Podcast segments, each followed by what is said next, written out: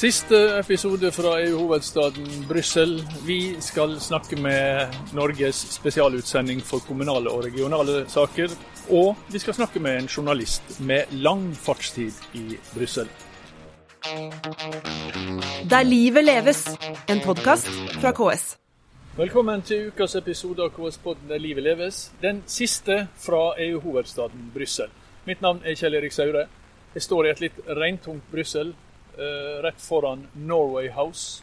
Vil si rett bak Berlimon-bygninga. Denne kjente bua bygninga som for mange var symbolet på, på EU eh, e i sin tid. Um, vi har i disse episodene herfra snakka først om kommunesektoren. Altså Den norske kommunesektorens representasjon i Brussel, representert ved KS. Vi har snakka om regionene sin tilstedeværelse ved Nord-Norges europakontor og Trøndelags europakontor. Nå skal vi snakke om statens tilstedeværelse her, nemlig den norske EU-delegasjonen, som er Norges største utenriksstasjon. Med representanter fra alle departement, unntatt Kulturdepartementet. Og eh, en god del, jeg tror det er mer enn 50 mennesker som eh, arbeider her i EU-delegasjonen eh, e i Brussel. Vi skal også få tid til å snakke med en norsk korrespondent som har vært her i flere runder. Første gang for over 30 år siden. Men nå altså, først så skal vi gå inn i Norway House og møte Olav Mydland. Da er vi på kontoret til eh, spesialutsending for eh, kommunale og regionale spørsmål ved den norske EU-delegasjonen i Brussel.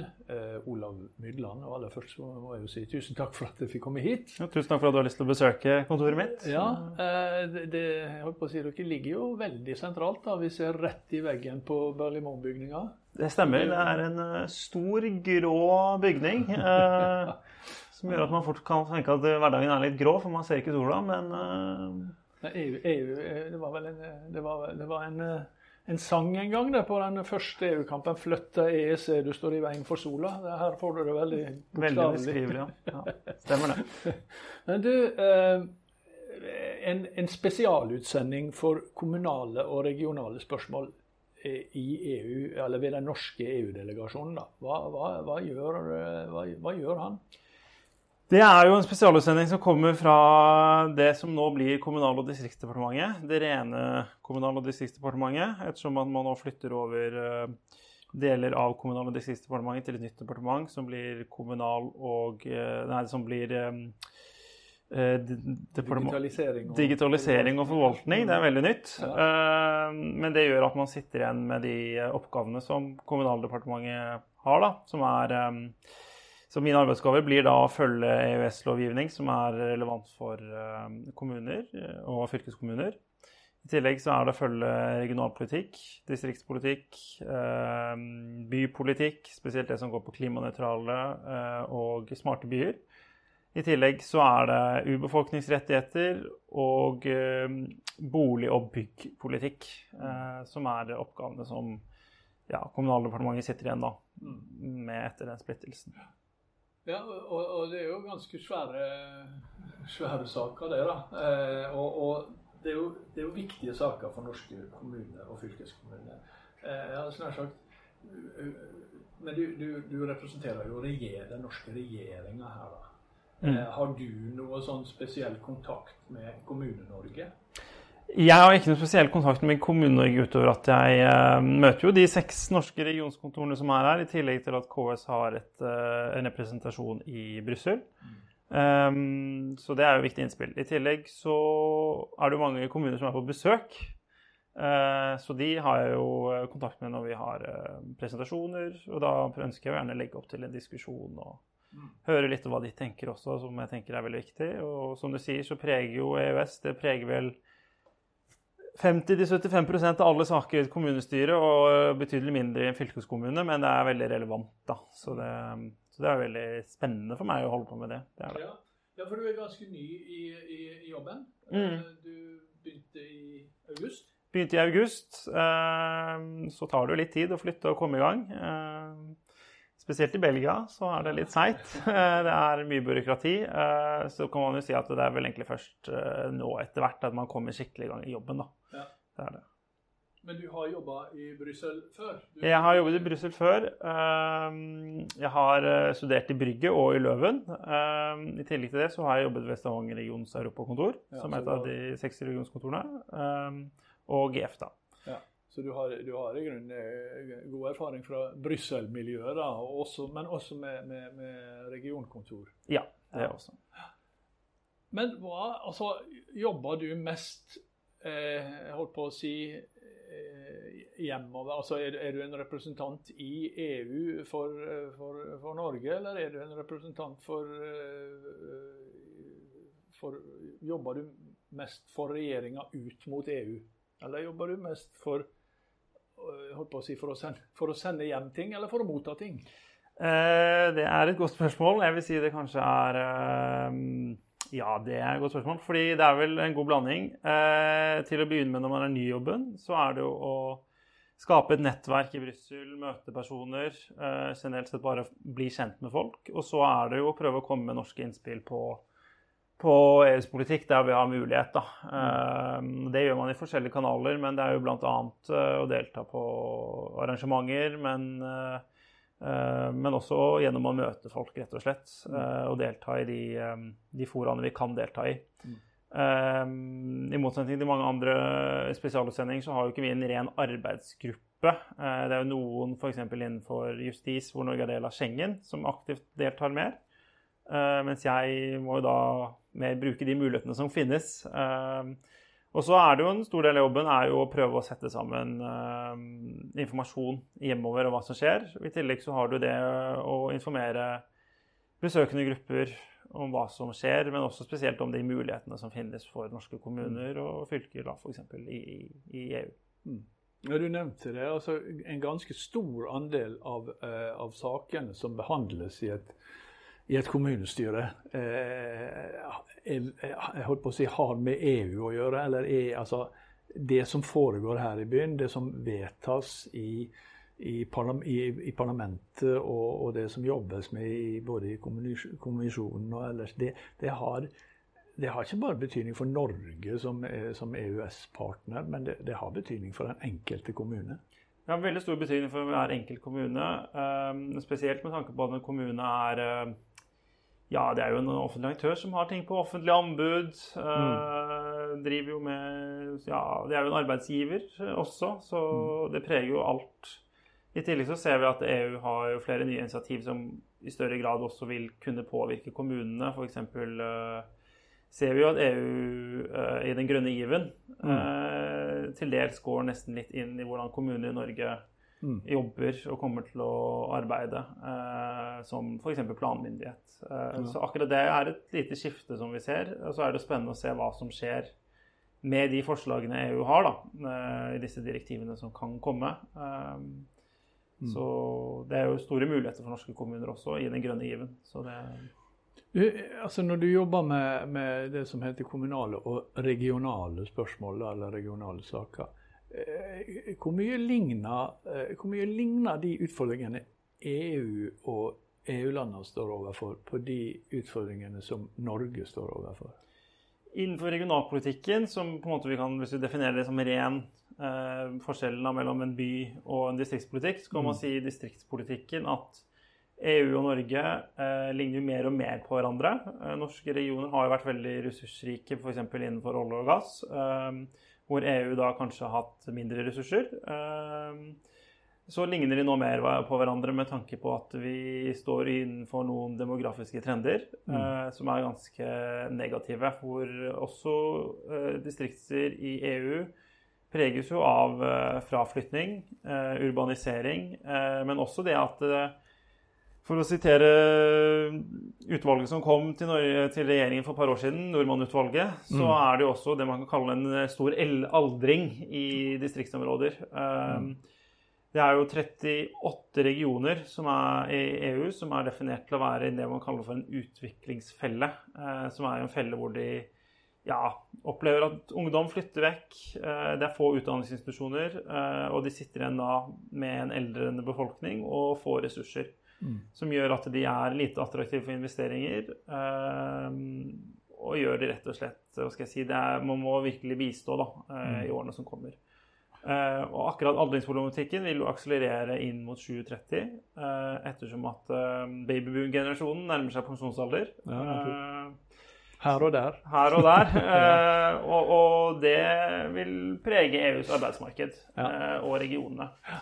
Og så har du de samme utfordringene innenfor bypolitikken som man til dels har i Norge. Hvor kanskje norske byer ikke preges like mye av det, men man har jo type ja, du har jo gettofisering eh, i mm. mange EU-byer, men du har også det som kanskje er det vanskeligste nå, er jo denne cost of living crisis som seiler opp til å bli veldig viktig. da. Mm. Altså leve, levekostnader. Levekoststandard. Mm. Um, F.eks. i Belgia så er det jo ikke noe, um, er det jo ikke noe klar trend mellom hvor arbeidsledigheten er størst, f.eks. Mm. Det er jo mange regioner som sliter med å ha høy arbeidsledighet utenfor byer, men det er mange storbyer som sliter med høy arbeidsledighet. F.eks. Valonia, som er jo en av den provinsen her, mm. eller en føderal del av Belgia, har 4 arbeidsledighet, mens Brussel by har over 10 arbeidsledighet. Mm. Du, EU eh, e eh, har jo det, er vel Spania som har formannskap i EU nå. Eh, neste halvår er det Belgia. De skifter hvert halvår. I, hvor stor grad preger disse Altså hvem som har formannskapet, i hvor stor grad preger det den jobben du, du må gjøre? Eh, for min del, som jobber en del med regionalpolitikk, så preger det det ganske mye. Ettersom at vi eh, må følge med på hva EU gjør. Eh, for Norge er jo innenfor og utenfor i mm. regionalpolitikken. Vi er i all, all, all, hovedgrad er vi utenfor, ettersom at vi ikke er en del av det som heter samhørighetspolitikken til EU. Men vi deltar i noen få programmer. Og så er det slik at det presidentskapet kan gjøre, er å sette en agenda for hva som skjer i EU. Og Spania har jo ligner jo litt på Norge. Det er et stort land mm. uh, med mange distriktsområder. Uh, så Spania har jo virkelig frontet dette med rural politikk uh, og distriktspolitikk veldig høyt. Mm. det har vært arrangert masse konferanser i Spania og i Brussel om det. og Spania ønsker virkelig å ta tak i denne utfordringen. Så det har liksom preget hvordan EU eh, e jobber eh, innenfor regionalpolitikken. Og så vil jo nok Belgia i all hovedsak fokusere på byer, ettersom at det er mye større tetthet i befolkningen eh, her. Mm. Men det de klarer å gjøre, er å skape en, sette agenda på debatt. Mens finansieringen ligger jo der i all hovedsak gjennom et langtidsbudsjett. Ja, Så det er ikke sånn at det, det, det, det er slutt på oppmerksomheten om regioner nå til, til, jul, og så er det byer det handler om fra, fra jul? Liksom. Nei, det er en kontinuitet? Det er kontinuitet i, i finansieringen. Mm. Eh, og eh, regionalpolitikkfinansieringen i EU er jo veldig stor. Det er jo nå den største budsjettposten. Eh, det er, utgjør dette langtidsbudsjettet 31 eh, mm. Så det er faktisk bitte litt større enn den felles landbrukspolitikken, så vidt jeg vet. Eh, så det er en stor politikk med mye penger. Uh, og man har opprettet også en høynivå ekspertgruppe som debatterer framtiden til regionalpolitikken og hvordan den skal se ut etter 2027. Um, og det går jo også litt på at EU nå starter en debatt om en framtidig utvidelse av unionen. Mm. Uh, hvor man skal ha en ny medlemsland. Uh, som er jo ja, skal man si det enkelt, så er det jo fattigere enn de medlemslandene som nå er tatt inn og har blitt rikere. og det vil jo prege regionalpolitikken. Ehm, og man må også rinke seg for en framtid hvor man kanskje må tenke litt annerledes. Mm. Ja, EU har vel en del sagt, fordøyelsesproblem nå. altså De har tatt inn ganske, det, er ganske mange eh, nye medlemsland som til dels skiller seg mye fra en del av dem som har vært før. Eh, altså fra det gamle Øst-Euro, tidligere østblokka, da, kan du si. Eh, merkes det? For, de, for, for, din jobb? Eh, hadde du spurt meg for eh, ti år siden, så hadde det ja. sikkert vært veldig, stor merke, veldig merkbart. Men det man ser, er at det er en eh, konvergens i eh, bruttonasjonalprodukt på tvers av landene.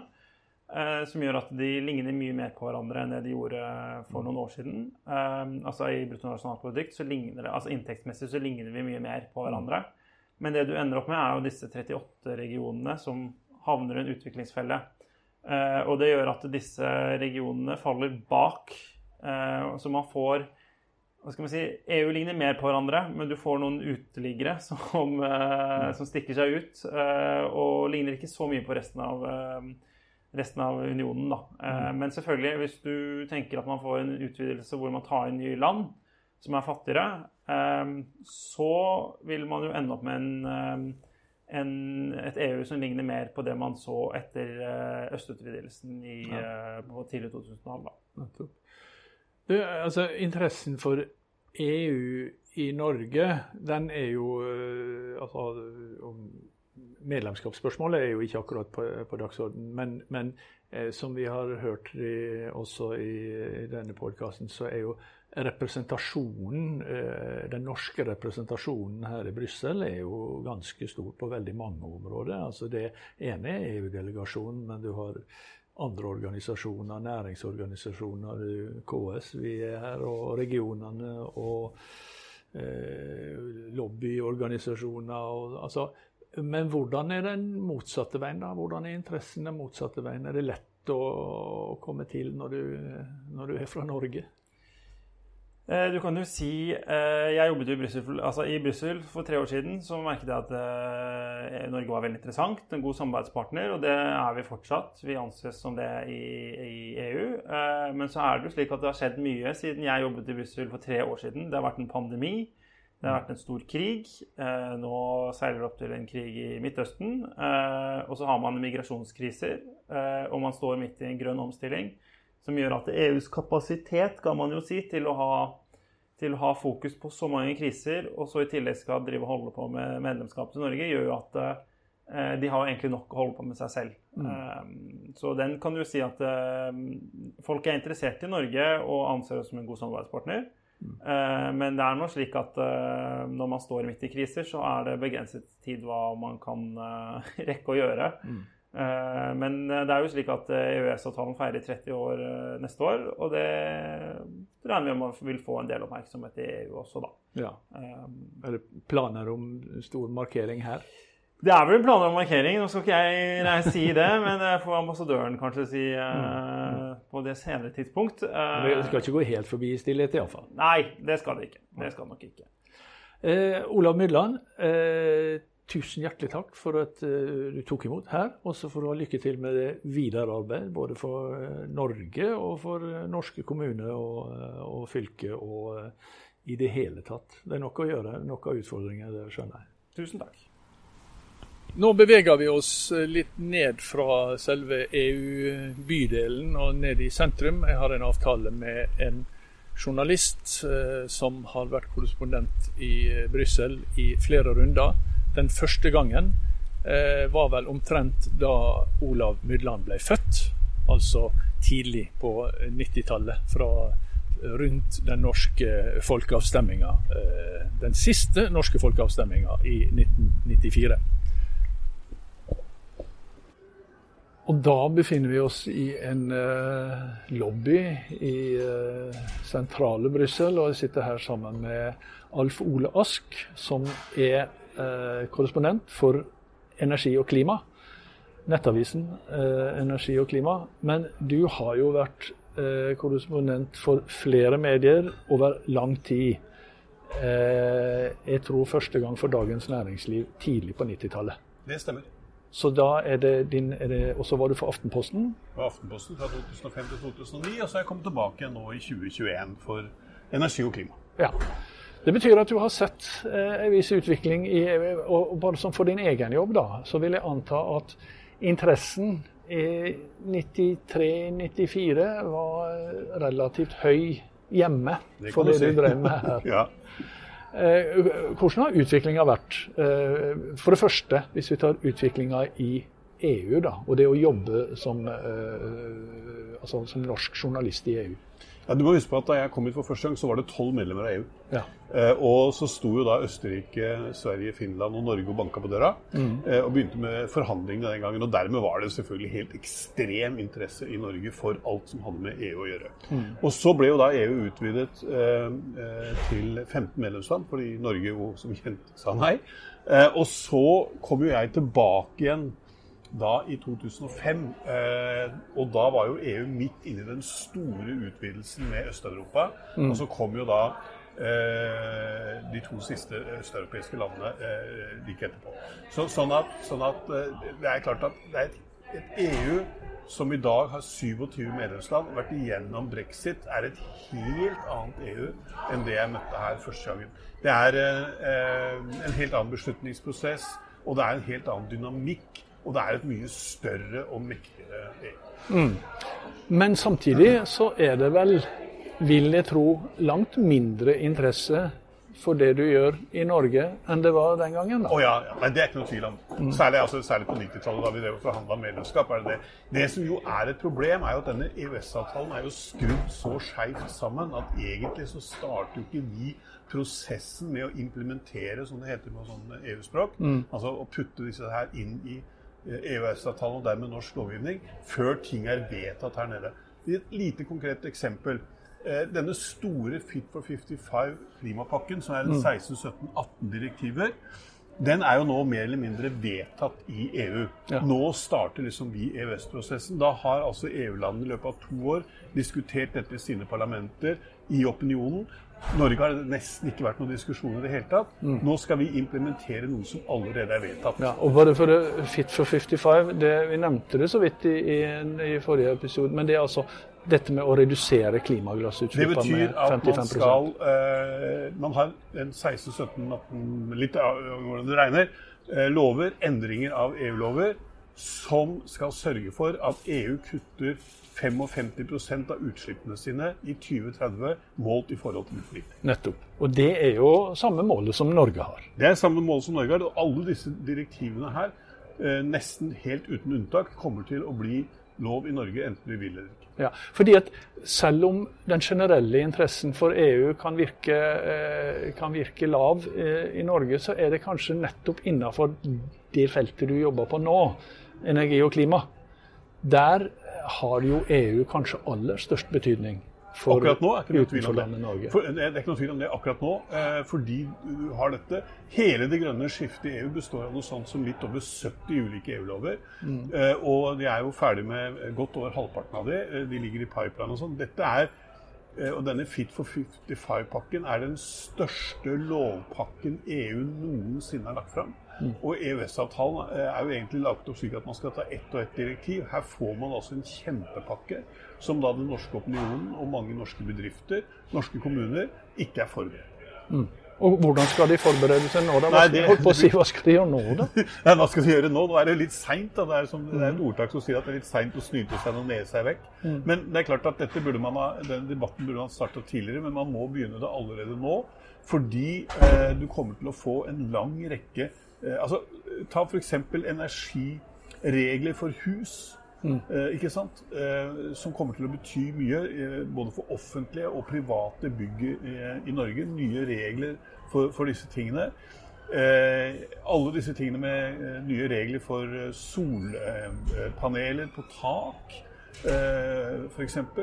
Eh, du har EU eh, e ønsker jo raskere behandling av konsesjoner for vindkraft, for gruvedrift, for å skaffe seg de metallene som trengs for det grønne skiftet. Mm. Dette kommer til å bli meget kontroversielle ting i Norge. Ikke minst også i forhold til, til samene, mm. eh, hvor vi allerede har Fosen-saken. ikke sant? Men, men, der kommer det til å ligge potensielt flere eh, slike eh, saker. Så her er det mye som, som mm. kommer til å, å prege Norge.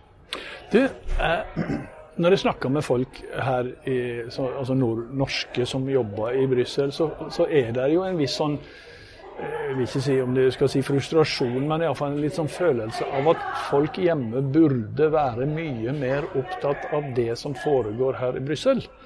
Men det er de ikke. Eh, opplever du det på samme måten? Ja, til, til vi skal gjøre det. Men samtidig må jeg si at jeg syns jo at en del av de som er her, utsendt bl.a. fra norske departementer, men også fra norsk næringsliv og fra, og fra kommunesektoren for den saks skyld, var jo litt å skylde seg sjæl. Altså, det er jo, påhviler jo de som er her også et ansvar for å informere og være med å skape den debatten som er nødvendig i Norge. Og der ligger man nok kanskje noe tilbake for det man burde ønske. Men hvordan skal man skape den altså Hvis det mangler interesse hjemme, hvordan skal man skape den interessen? Jeg tror at interessen i Norge er der. Altså, Hvis du ser nå på dette avløpsdirektivet som ja. EU eh, nå er i ferd med å sluttbehandle, Det er klart at Man har ikke eh, nok i kommunene i Norge klart å lage en diskusjon og, eller å forklare de virkningene dette eh, har. Og Det tror jeg er både vi som skriver om, om EU, men også eh, de som sitter tettere på disse prosessene, burde tenke litt og føle større ansvar for å eh, presentere dette på en måte som gjør at folk kan forstå det. Altså EU er jo eh, ikke så forferdelig vanskelig, men det er klart det omgir seg jo med begreper osv. Mm. som virker ganske ekskluderende, og som eh, antageligvis er en god inntektskilde for konsulentbransjen. Det er ganske sikkert, for det er ganske mange av dem også her, eh, de norske. Men, eh, nei, men det, det, det, det, slår meg jo at, at avløpsdirektivet, som, ja, som vi har snakka om i en episode før, og som jo er veldig viktig for, for norske kommuner, så må jeg si eh, altså Du har tidligere vært eh, korrespondent for to store norske aviser. Eh, jeg leser ikke mye av det i uh, mainstream media, er det det det heter for tida. Ja. Men, men jeg, må, jeg, må, jeg, har lest det du har skrevet om det. det jo, du jobber i en nisjeavis. Ja. Det, det, er i nisjeavisen ja, man leser om det, selv om det angår men det, det, og det tror jeg på en måte er kanskje en av de store svakhetene med utviklingen av hvis vi kan kalle det EU-journalistikk i Norge. Mm. Det er at uh, man ser at den i større og større grad er blitt overlatt til nisjemediene. Mm. Og at de store, breie mediene i mye mindre grad dekker uh, det. Det er helt riktig. Uh, og det er, det er trist på, på mange måter. Eh, fordi du da mister noe av den eh, debatten. Nå tror jeg eh, Vi ser jo nå NTB er tilbake her i byen. Vi ser TV 2 er her, NRK er her, selv om de dekker mye mer enn bare EU. Mm. Sånn at det er jo faktisk nå seks norske korrespondenter i Brussel. Og man skal være klar over at det er flere norske korrespondenter i Brussel enn det er korrespondenter fra flere av de landene som er, små landene som er medlem av EU. Mm. Så, så det er jo så det er jo ikke sånn at det ser helt håpløst ut. Men det er mm. klart medieøkonomien har ført til nedskjæringer. Og det har bl.a. rammet EU-dekningen. Mm. Eh, Alf du begynte som sagt i, her i byen i 1992. Det er vel ingen fare slash håp om at du skal igjen kunne oppleve den interessen for det stoffet du leverer herfra, som du gjorde eh, rundt år før den siste norske folkeavstemningen? Nei, nå har jeg halvannet år igjen til pensjonsalder, så jeg tror, jeg tror, det der er en, er en, eh, en dyster, men realistisk spådom. Ja, det tror jeg også. Takk skal du ha. Vær så god. Og det var det fra Brussel, iallfall i denne omgang. Neste uke er vi tilbake med en ny episode av KS-podden Der livet leves. Til da Den skal handle om noe helt annet for øvrig. Til da, ha det godt. Der livet leves, en podkast fra KS.